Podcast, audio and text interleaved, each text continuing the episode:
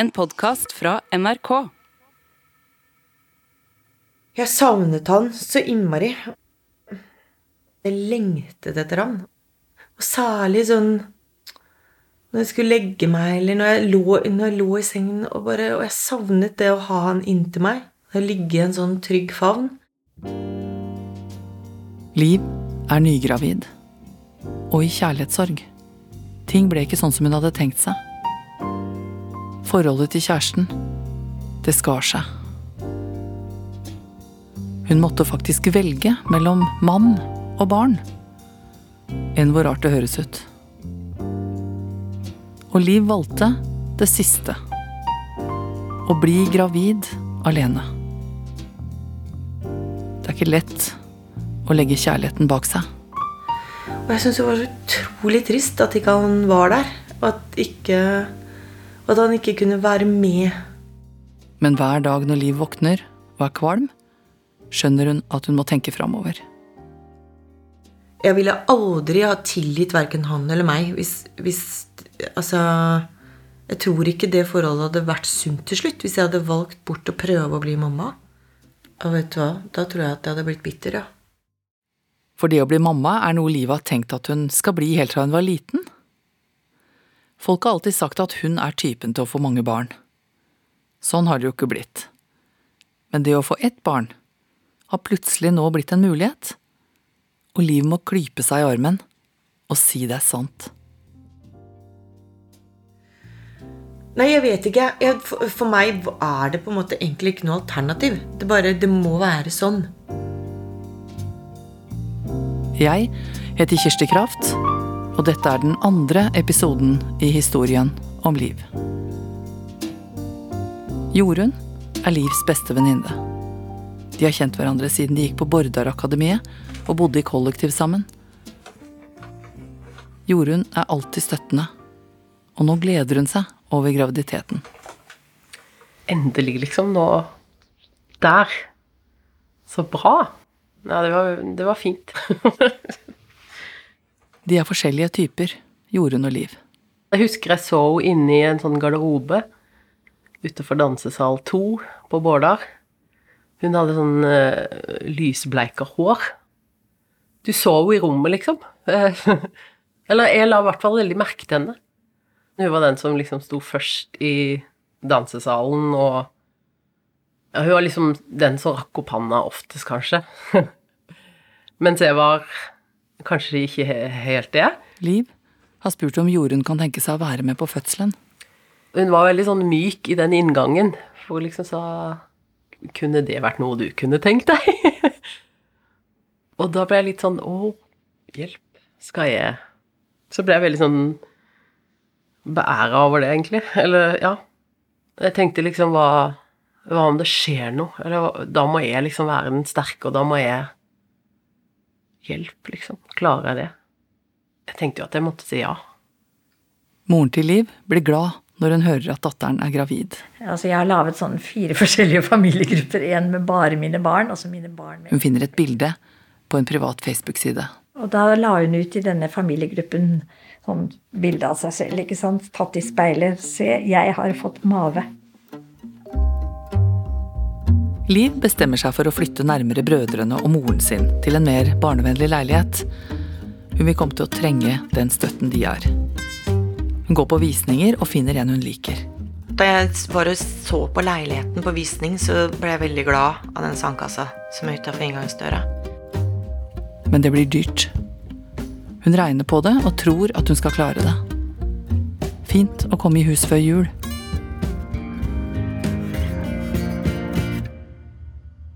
Hans Olav, storebroren hennes, kommer innom. Han har tre barn, og det er godt å snakke med han om det man tenker på. Det er så mye usikkerhet i verden. Det er så, det er så mange store kriser vi står overfor. Det er så mange slemme folk. Mm. Og så er det mange snille folk òg. Du kan ikke de neste 18 årene gå ut og tenke at verden er ond, og at du har skapt eller pushet et barn inn i en ond verden. Men jeg sa jo det er veldig mange gode mennesker òg. Og det er jo veldig mye godt, og man må jo på en måte gjøre sin sitt eh, bidrag, da. Bidra til det motsatte. Ikke sant? Og bidra til en god verden. og...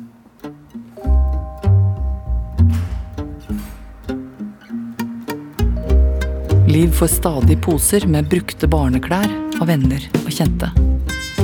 Hun får også montert opp en sterk krok i taket i stua. Der skal det henge en vugge som barnet skal ligge i den første tiden.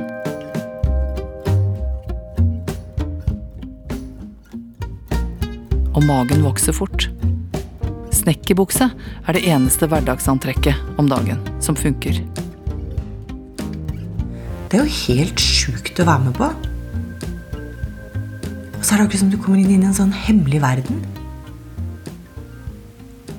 Og det er først når du da er gravid, at du blir innlemmet i denne hemmelige verden av mm, noe som binder kvinner sammen. Det er veldig fascinerende. Liv har blitt stor og tung. Det er ikke lenge igjen. Bare, altså bare ta pauser ikke sant, i trappa. Liv har fått lang vei til helsestasjonen. Hun har jo flyttet, men beholdt jordmoren fra det stedet hvor hun bodde før. Times reisevei på en sånn humpete buss med 50 stopp, liksom. I rundkjøringer og over dumper og så. Altså, det er det verste du kan sitte på når du er høygravid, ass. En sånn bussjåfør som hele tiden ligger på bremsen, liksom. Jeg trodde jeg skulle daue. Åh, en time og 20, tror jeg det er. Ja. Men vel framme på helsestasjonen er Liv like ivrig som hun har vært hele tiden. Nå er det ikke lenge før. Spør og spør og spør om disse her, hvordan er det jeg skal vite om det skjer, og hva er det jeg skal kjenne etter, og det samme svaret, men man vet jo ikke helt, eller du merker det jo at noe Altså, ja. Og så hører hun alltid med sånn liten sånn hjertelyd, altså sånn EKG, ikke sant, du hører hjertelyden, og den var på 120, og det er jo siste gangen min hos henne, så jeg sier åh, kan vi gjøre det en gang til? Det er spesielt å høre hjertelyden i rommet. Og vi klemmer, ikke sant, det er siste gang, og nå kan det skje når som helst, og i det hele tatt.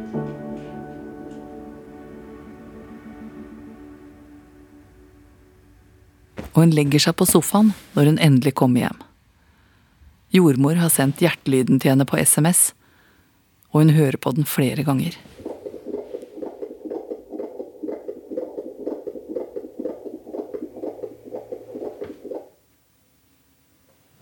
Og så skjønte jeg at men nå var i tretida. Bare nå, dette her er ikke Nå tror jeg faktisk at det skjer noe, jeg. Og da drev jeg faktisk og meldte, meldte med en annen venninne som angående en avtale dagen etter. Så hun hadde liksom stilt meg spørsmål kommer du i morgen.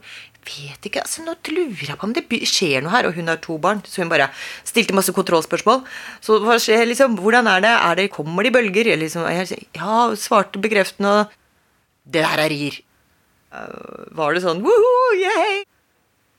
Så jeg lå på sofaen, så sendte jeg en sånn der eh, rieselfie med sånn røde blussede kinn og blanke øyne. Og nå skjer det! Nå er det i gang, liksom.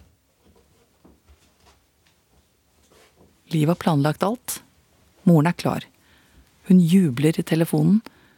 Hun skal kjøre henne til sykehuset. Så ringer Liv til brødrene sine. Svigerønnen min sa yes, ta åtte timer det der. Jeg er sikker på du føder sikkert på 60. Det kommer til å gå så fort. Jeg bare Ok, ikke hva jeg er forberedt meg på. Liv har satt klar en bag som hun skal ha med seg til sykehuset. Og moren står på døra nesten med en gang. Liv bruker de pusteøvelsene hun har lært på vei til sykehuset. Pust inn, to, tre, og slipp ut i nakke, hender, hofter.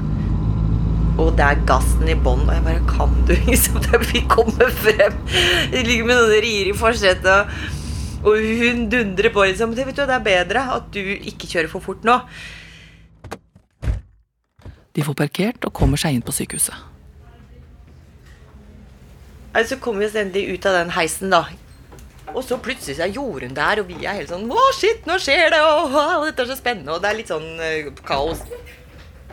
Så vi skal si ha det til mamma, for mamma skal hjem. For det er Jorunn som skal på fødselen. Så da pakker jeg sammen sakene mine, og så sier jeg ha det og lykke til og alt dette her. Så går jeg ut igjen og, og finner bilen min og begynner å kjøre hjemover. Og så setter jeg meg ned i denne lilla, store, dype stolen, og så, og så er det frem med magen og Og, og sånn derre apparat hvor du skal kjenne til hjertelyd. Og så, sier, så, finner hun ikke noe, og så sier jeg ja, han ligger vi, Jeg var jo på kontroll samme dag, ikke sant, på morgenen, så han ligger med ryggen litt sånn her, så du kjenner sikkert her borte på høyre side ligger ryggen hans. Og så kjenner hun ikke noe, og så er hun Det er jo det litt rart, men jeg tenker på en måte ikke Altså, jeg, vet, jeg bare er både gira og spent og glad og altså sånn, Tenker liksom ikke noe over det, men hun, hun skal hente ultralydapparat, da. Og jordmor går ut av rommet, mens Liv ligger på benken og Jorunn står bak henne. Så kommer det en lege tilbake om litt. Og jeg er jo sånn spent og glad og sånn, så jeg ligger og prøver å småprate litt med han legen. Jeg og bare Ja, hva var det du var? Var du fødselslege, eller var du jordmor, eller Ja, nei, han var fødselslege. Legen undersøker og konsentrerer seg.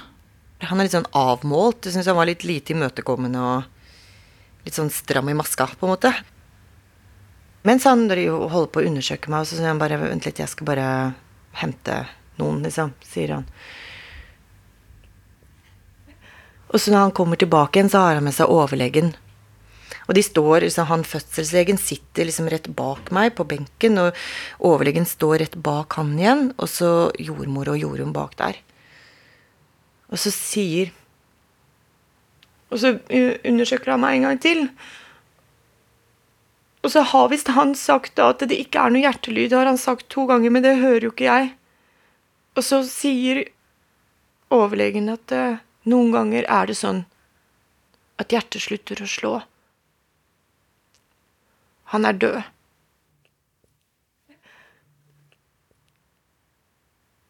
Så var jeg sånn, men det går jo ikke an. Nå skjønner jeg ikke hva er det du mener. Er det, hjertet kan ikke bare slutte å slå. Altså, Det slutter jo ikke å slå. Hva er det du mener for noe? Hva er, hva er det du snakker om, liksom? Altså, og så har vi en sånn lang samtale. Og jeg, jeg tror jeg driver og venter på at de skal si Og så var det en sånn stemme bak i bakhodet mitt hele tiden mens denne samtalen pågikk. Så sa den til meg at nå Nå skjer det noe. Nå skjer det noe helt annerledes enn det du enn det du har vært forberedt på. Nå, nå får du en helt annen beskjed. Nå må du følge med.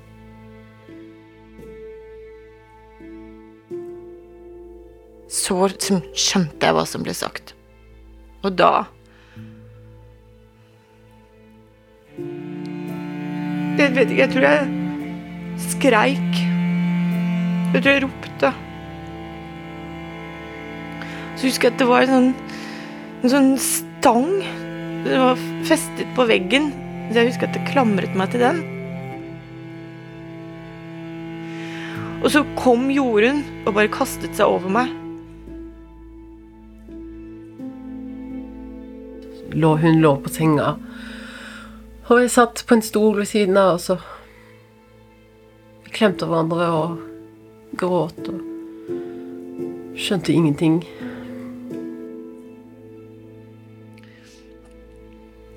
På et eller annet måte så ble hele den magen så utrolig fremmed for meg. Bare, dette var jo ikke sånn det skulle være. Dette, jeg, ville, jeg vil jo ikke ha det sånn. Jeg ville bare ha den bort. Jeg vil ikke, det er ikke sånn det skulle være. Og så sa overlegen at jeg, at jeg, måtte føde, og det tror jeg på en måte jeg bare visste allerede fra før av. Jeg, jeg, hadde vel hørt om det før. At, og så var hun overlegen også om seg nok til å si Men var ikke, var ikke mammaen, var ikke mammaen din her nå nettopp? For liksom Jo, skal, vil du at vi skal ringe henne og stoppe henne? Så midt under turen så begynner telefonen å ringe. Eh, og jeg pleier ikke ta den når jeg kjører bil. Jeg har ikke sånn der eh, til telefonen heller i bilen. Men jeg ser at det er et sånn 22-nummer, så jeg syns det var litt rart. Eller 23, eller hva det var. Det er ikke en mobil, i hvert fall. Eh, og så ringer det på nytt igjen. Og så ringer det på nytt igjen, og da får jeg kjørt inn i en busslomme, og så tar jeg telefonen, og så er det en som sier at det er fra Rikshospitalet og uh, sier navnet sitt og spør om jeg var kommet hjem. Nei, sa jeg. Ikke helt. Nei, kan du være så snill og så snu og komme tilbake igjen? Uh, ja, uh, ja vel, sier jeg. «Eh, eh, ok. Ja, skal jeg snu nå, liksom, med en gang? Ja, om jeg kunne komme med en gang, hadde det vært fint. Så jeg snur, da, og, og kjører tilbake igjen. Og så tenker jeg, hva er det nå? Nå er det sikkert Altså, nå har er, er, er barnet Er det noe som er galt med dette barnet nå, da? Er det Kanskje det er en med downs? Kanskje øh, altså, eh, ikke har alle fingre Er det et eller annet som er galt? Og når hunden kom inn i rommet, så sa jeg bare 'Han er død, han er død, han er død'. Og så, så var hun der og, og klemte meg. Jeg tror at jeg bare tenker på at hun fikk den beskjeden så brutalt og så brått.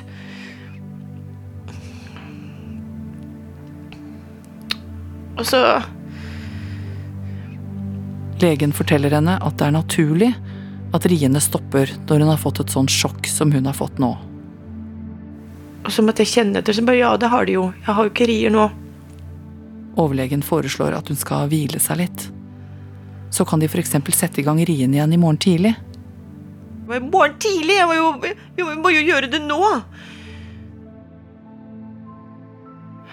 Og det var liksom bager og sånn, og, og riene hadde starta, jeg gråt og gråt. Jeg var helt sånn Jeg skjønner ikke at jeg klarte å gå de meterne. En sånn lang gang på beina. Det gjorde jeg, og jeg hadde rier hele veien mens jeg gikk nedover der. Jorunn holder henne i armen når de går bortover gangen. Jeg følte, eller jeg følte bare nå er jeg her, og nå Nå er det oss. Og nå må vi bare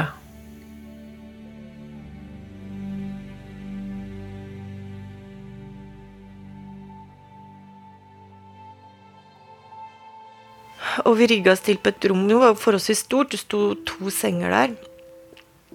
Og hadde et bad, og, og Jeg og Jorunn hadde jo lagd spilleliste, og vi prøvde å sette på musikk og liksom På en måte jeg vet ikke, få opp stemningen på en eller annen måte. Det høres helt absurd ut, men prøvde liksom å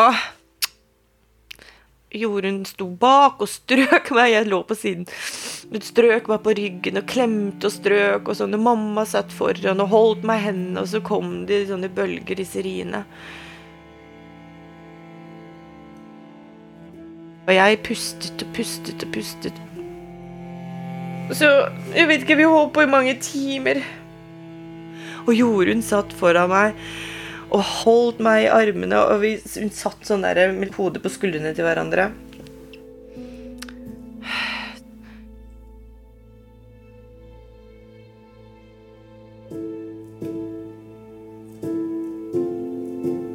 De snakker ikke om det. Hva som egentlig er i ferd med å skje. Det gjør man kanskje ikke når ting er for vanskelig. Nei, Vi bare snakket egentlig om liksom sånne fine ting. Vi latet ikke som. Det var egentlig bare Nei, det bare samtalen kom liksom ikke inn på det. Jeg hadde ikke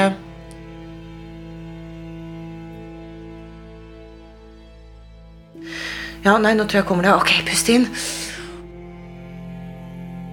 Nå kan du kjenne, sa hun. Nå kan du kjenne etter.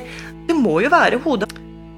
Ja, nå er det Og så kjente jeg liksom at hodet sto i åpningen. da Og så ett press til, nå så er hodet liksom Nå er hodet helt ute. Og så sa hun så, er, du, er du klar? For hun hadde sagt at, at jeg skulle få lov til å ta han ut selv. da Så sa, nå, nå kommer hendene dine. Og så fikk jeg lov til å løfte han ut og opp selv og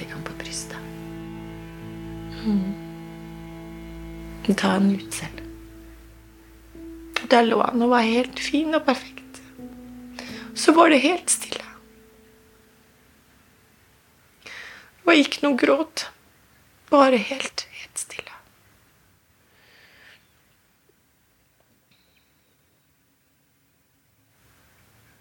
Han var så liten, som en liten fuglunge. Han var lang og tynn. Han hadde ikke fått så mye næring de siste ukene. Som var 2,47 kilo og 49 cm lang. helt perfekt. Han var så vakker.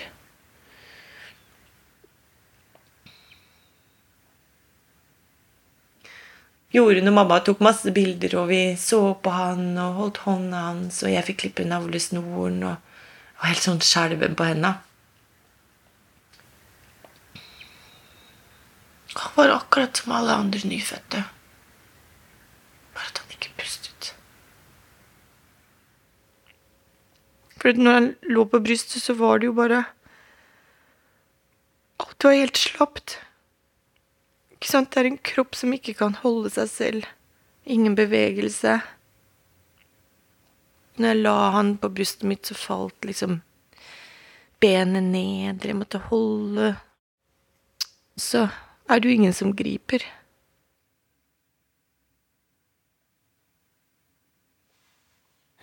Og etter at vi vasket og, og stelte han og sånn, så så han helt normal og fin ut.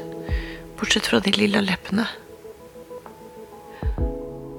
Ja, det er det frustrerende at det ikke er noe respons. Hun kaller han Sebastian, og hun vil at familien skal komme og se han og holde han hvis de ønsker det selv. Og da var det jo, blir man jo litt sånn usikker. For det så, ikke sant, du vet jo hvordan det er å holde et barn som, som, som det er liv i, som holder, holder sin egen kropp. Men det gjorde jo ikke Sebastian. Hans Olav, storebroren til Liv, har kommet. Når man går inn i et sånt rom eh, hvor eh, en av de du er mest glad i, altså eh, sin egen søster, har vært gjennom noe så vanvittig, og dette døde barnet ligger der, livløst, så det var en sånn kjempekonfrontasjon med, med masse følelser og, og masse, masse inntrykk. Han går først inn selv, så går han ut igjen til barna sine for å forberede dem på hva de skal møte. Jeg fortalte at han eh, hadde på seg den dressen som han hadde fått av oss. Blå, strikket, bitte liten dress med og en liten lue på hodet. Hva slags farge han hadde på huden, at han hadde litt blåere lepper enn vanlig. Reaksjonen til de som fikk holde Sebastian, er jo litt sånn å, hjelp, eller man blir litt sånn var. Man holder veldig forsiktig, man er redd for å gjøre noe galt. Men eh, det gikk helt fint. Og de som fikk holde han og være sammen med han, var glad for det. Så det var jeg så glad for, for jeg var så redd for at de skulle synes det var ekkelt. Man kan jo kunne for at han er død.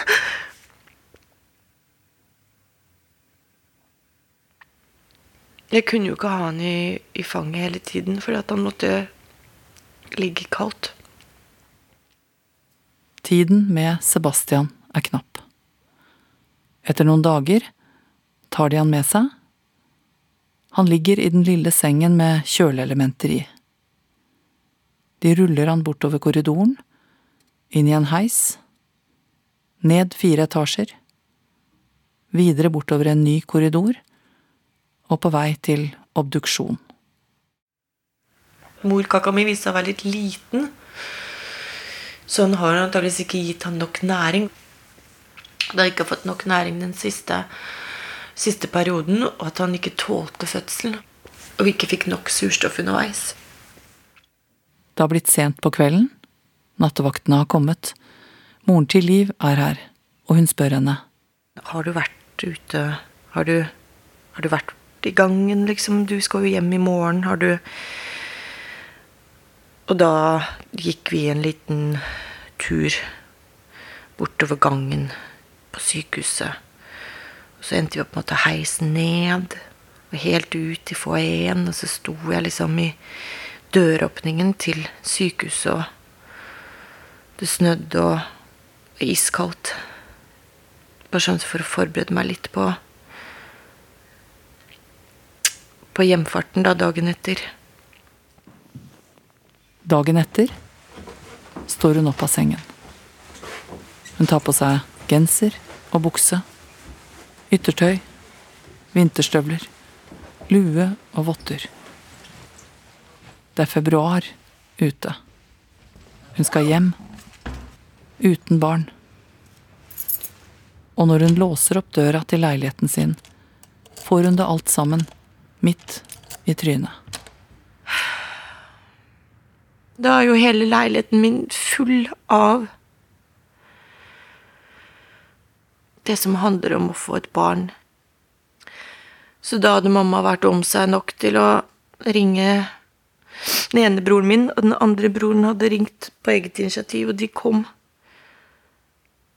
Og mens jeg lå inne på, på soverommet mitt under dyna og prøvde å få tiden til å opphøre, så skrudde de fra hverandre barnevogn og stellebord og den derre krybben som jeg hadde i stua til å henge fra taket. Og det var bleier i skap, og det var babyolje, og det var bilsete, og det var klær og pledd. De satte det opp på loftet. I november fortalte faren, faren min at jeg vurderte å få meg barn, da. Altså et halvt år før jeg liksom fikk det til. Så sa han og kona hans at ja, hvis det skjer, da skulle de, da skulle de spandere barnevogn. Så han spanderte barnevogn på meg. Helt splitter flunkende ny, fin barnevogn som kosta mange, mange penger. Jeg tror den kosta 12 000. Det var helt vilt.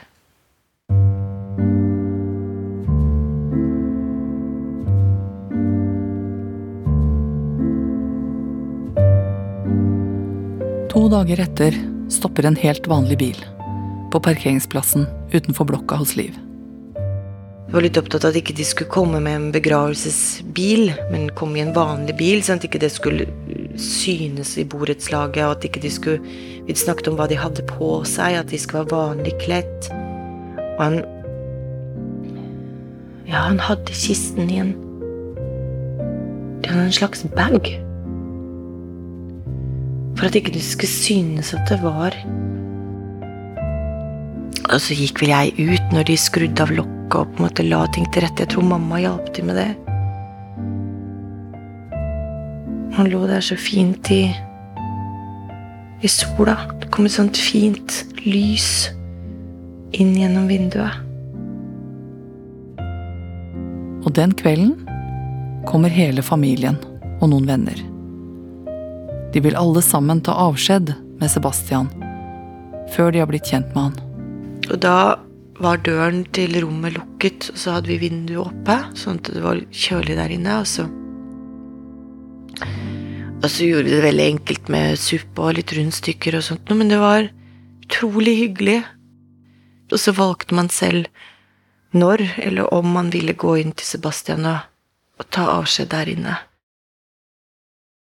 Der inne har de lagt en hvit duk over et bord, og oppå der har de plassert kisten.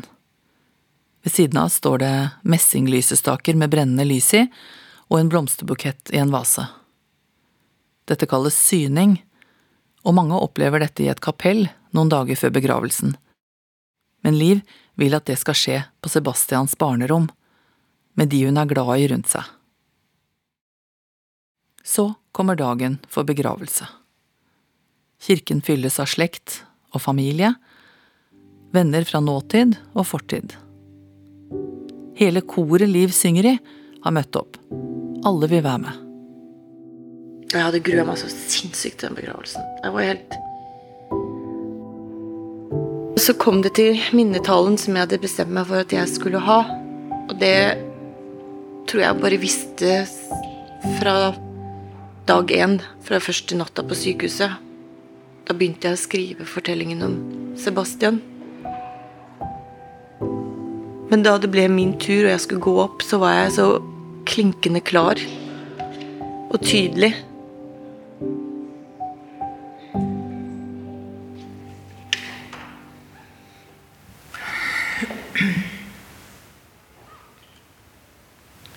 Jeg er mammaen til Sebastian.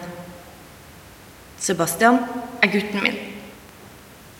Du er gutten min. Du er i hjertet mitt. Jeg er i hjertet ditt. Og så avsluttet jeg med å legge den lille medaljongen, det anhenget, smykket med mamma på. Det la jeg på kisten hans. Mens storebroren min spilte 'Mitt hjerte er ditt'.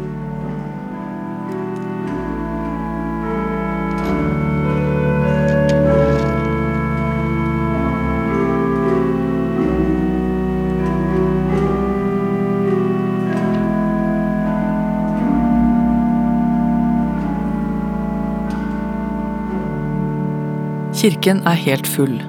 Det er kommet over 100 mennesker. Liv har tenkt nøye gjennom hvordan hun vil at alt skal være denne dagen. I kirkerommet skal de ta avskjed med Sebastian, og på minnesamværet etterpå skal de løfte blikket og tenke framover. Det skal være en hyllest til livet. I rommet ved siden av kirken er bordene dekket med duker, lys og blomster. I flere dager har det vært dugnad. Venner har satt opp lister, folk har kommet med kjeler med gryteretter og kaker på fat.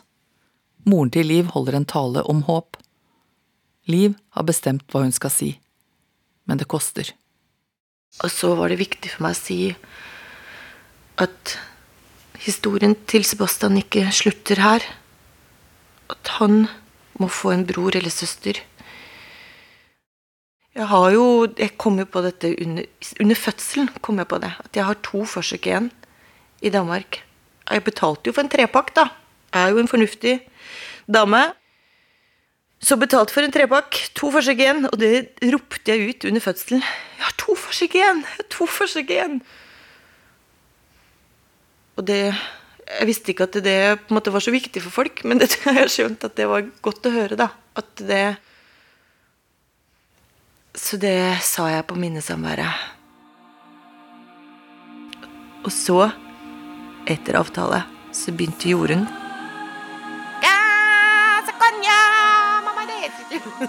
Og så begynte hele koret Så begynte vi å synge 'Circle of Life'. Så alle bare strømmet til. Reiste seg og begynte å synge og kom opp. Og så sang vi 'Circle of Life'. Og det var så helt fantastisk. Det var akkurat sånn det skulle være. Ah, da ble det jo helt ekstatisk. Da ble det stående applaus mens vi sang, og alt rakna fordi det var noe Vi hadde ikke øvd. Men det var så fint. Det var akkurat sånn det skulle være.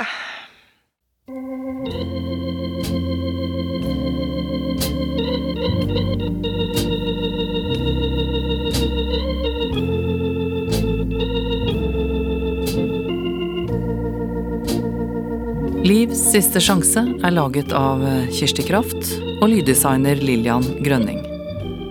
Dette er den andre av fem episoder. Konsulent er Ingrid Skåre, prosjektleder Elisabeth Høie og redaksjonssjef er Randi Helland. Har du behov for å snakke med noen, kan du kontakte Landsforeningen uventet barnedød.